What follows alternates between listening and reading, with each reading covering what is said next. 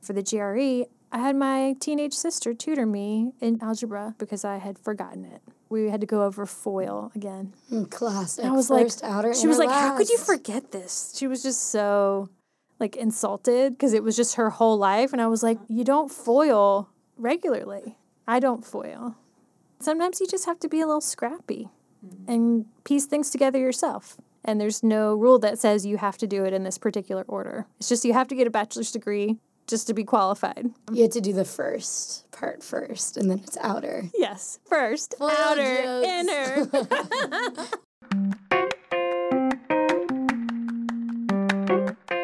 You're listening to Work in Progress, a podcast that helps you understand and navigate the world of work. Work in Progress is a podcast that belongs to the Virginia Audio Collective. Tune in and subscribe on Apple Podcasts, Spotify, and on the UVA Career Center website. For more resources, follow the UVA Career Center on Facebook and Instagram. I'm your host, Jesse, and I'm a career peer educator and a UVA student. And I'm your host, Kate, and I'm a career counselor at the UVA Career Center. This week on Work in Progress, we talk about grad school.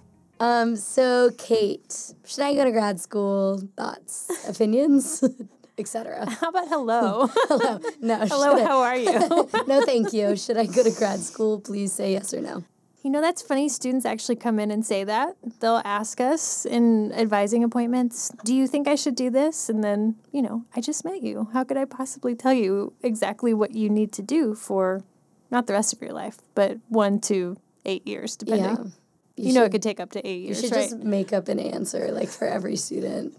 You would ruin a lot of people's lives. Don't do that, please. Yeah, not not in that business. Not in that business. um, but it's an important question. Lots of people are thinking about it. I think we have a super high achieving student population, so lots of people aspire to have higher education than a bachelor's degree, which is great.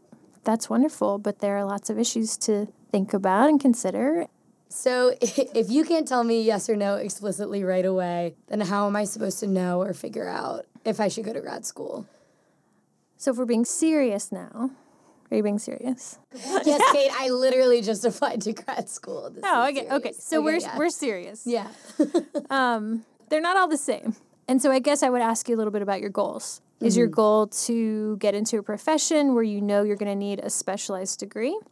Are you just trying to get a leg up on the competition? Like you know that people with master's degrees are going to be applying to the same jobs that you're applying for and that you want to advance your possible career goals or plans? I think that makes sense. Or then there's the fear factor, which is are you just kind of scared to apply for jobs or scared of what's coming after school is over because you're really good at school and that's been a safe place for you?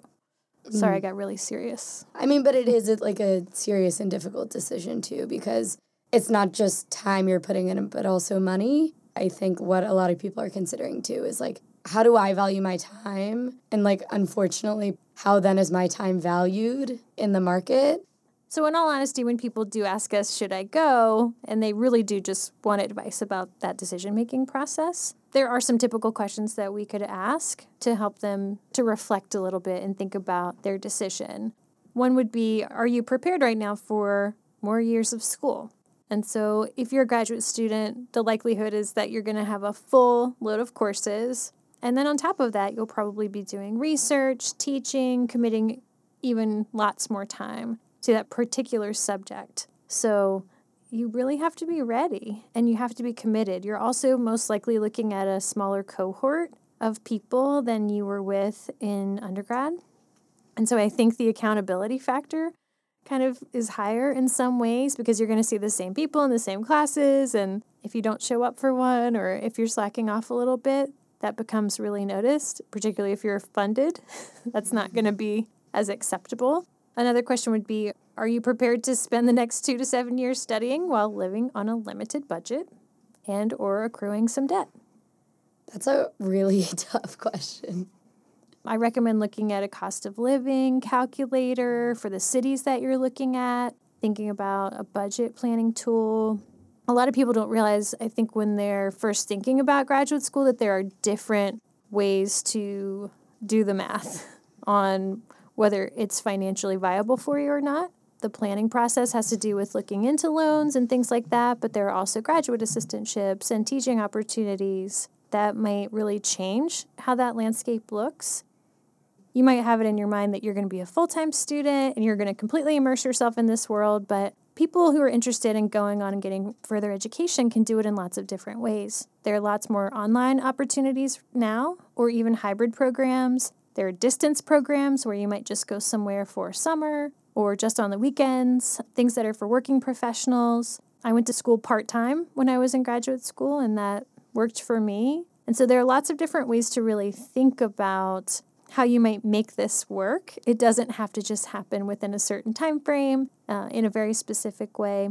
Some employers also will pay for you to do graduate work or further your education in some way. And so that could be a skills based class, a certificate program, it could be a graduate program. Typically, you have to be at the organization for a little while before they'll pay for that, but definitely ask when you are job searching and doing interviews about what funding is available because that could also help you to make some really great decisions about where you work after you graduate if you do have graduate school as a goal somewhere in your life.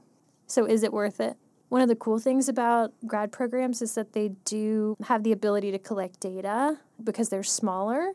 That's a lot more specific. So, you could actually go to the master programs that you're looking at and say, tell me where everybody has jobs. Mm. and they should probably be able to tell you that. Whereas at UVA, for an undergraduate population of over 10,000 people, it's really, really hard for us to say where does everyone end up after they graduate. The other thing to think about is whether you, the profession you want to go into really heavily favors people who have that advanced degree. There are professions that require licensure, certification. There are clearly cases where you have to go on and get that additional education. That's going to be a bottom line requirement. There are other professions where there might be more of a preference for a master's degree versus years of experience. You know, you'll see a job description, it's like two to five years of experience or a master's degree. You got neither. Yeah, and it's like, when people are looking at a master's or years of experience, I think it's because both have professional value. You shouldn't necessarily read that as, oh my gosh, I have to go get that degree or I'm doomed. The other thing is just do both. Go ahead, apply to grad school. Also apply to jobs. Just allow yourself to see how competitive you are. If you feel like you're unsure, but you have that just nagging feeling of regret, like, oh, if I don't apply, I will always wonder if I would have gotten in. Then, if it feels worth it for you to pay the application fees and go through the work to write your personal statements and get your letters of recommendation, certainly don't want to stop anyone from trying to pursue their academic goals. We also have some really great resources on gap years or bridge years ways to spend your time that might actually help you build your application, might help you build skills, learn a little bit more about what it's like to be in the world of work. Maybe you'll like it a lot more. Maybe you'll like leaving at five o'clock and having a life in the evenings. But it's something that you have to test out and just see what works best for you. So I guess if the answer to these questions is yes, yes, yes, yes, yes, then you start actually trying to figure out what type of program are you interested in. And there are lots of ways to do that research. Obviously, you did a lot of research. Do you want to talk about anything that was really helpful for you so far? In like looking for grad schools, mm-hmm. um, my biggest thing was just time and money. a lot of what I was doing was comparing different programs in tuition costs, scholarship opportunities, also a big thing for me was like hands-on experience. Are they giving me opportunities to work with different organizations like consult for them actually like put into practice what i'm doing? Because part of the reason i'm applying is to get my foot in the door in jobs. If i can get a master's and then also get experience i can put on a resume in addition to the section on my education i would love that. And how did you do that research literally Googling, seeing what schools had programs available, then just going on their websites. Then from there, I sort of narrowed it down of kind of like, would I like to live at this place? Probably not. So, like, maybe don't look there. I think location can make a difference. If it's something like politics or policy, you might have more people in DC because they're also contributing in some other ways to the economy of that area. Same thing for film schools in Los Angeles or, you know, media and journalism in New York. Think about where their internship placements might be. Also just talking to people in what I want to do. I love that idea. Yeah. There's no one better than a current graduate student to talk to if you have access to them. So think about your TAs, think about people who are currently in programs at the University of Virginia. I think talking to your faculty is really terrific. Hopefully, there's been something in your curriculum that's really excited you, and that's why you're thinking about graduate school. We have pre health and pre law advising in our office. So, if those are some of the programs that you're thinking about, we actually have professional advisors to help. We also have a professional and graduate school fair every year through the Career Center. It's typically in September. Taking standardized tests is also time and money, so that's something I considered. So, looking at if they required a GRE or not, because not all schools did, which is helpful.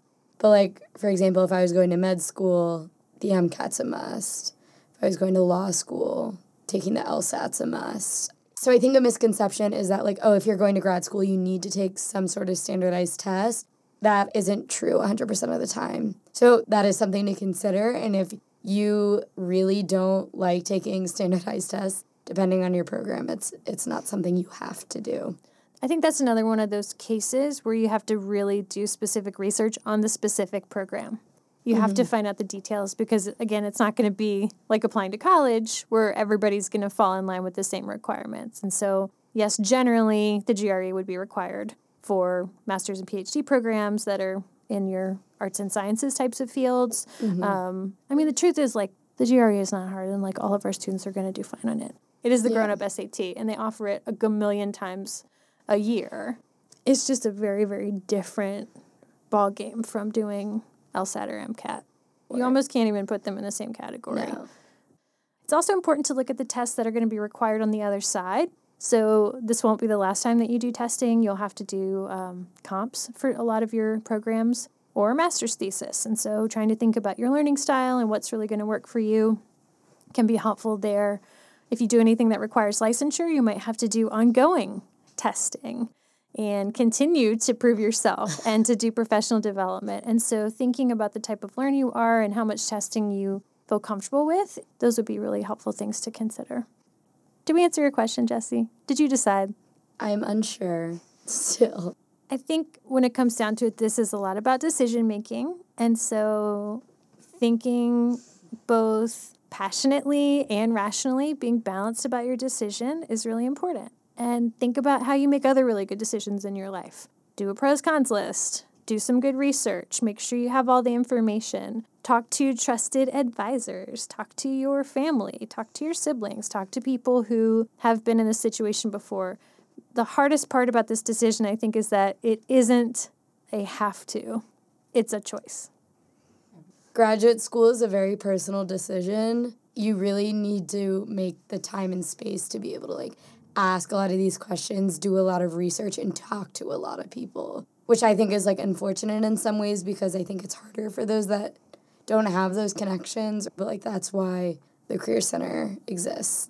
And I think if you are somebody who doesn't have any mentors that have gone to graduate school, which would be pretty normal considering that's most of the population, consider Virginia Alumni Mentoring, looking people up online, come to the Career Center and just have a conversation about some of these things, we could potentially refer you to someone, talk to your TAs, graduate students here at UVA. And we have really great information on our website as well that kind of helps you walk through some ideas about um, what to consider as you're making your decision.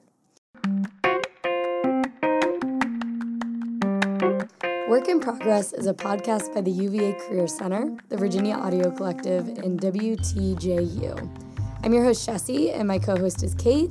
Work in Progress is produced by Mary Garner McKee. Our music is from Blue Dot Sessions. Follow the UVA Career Center on Facebook, Instagram, and Twitter, and check out our website at career.virginia.edu.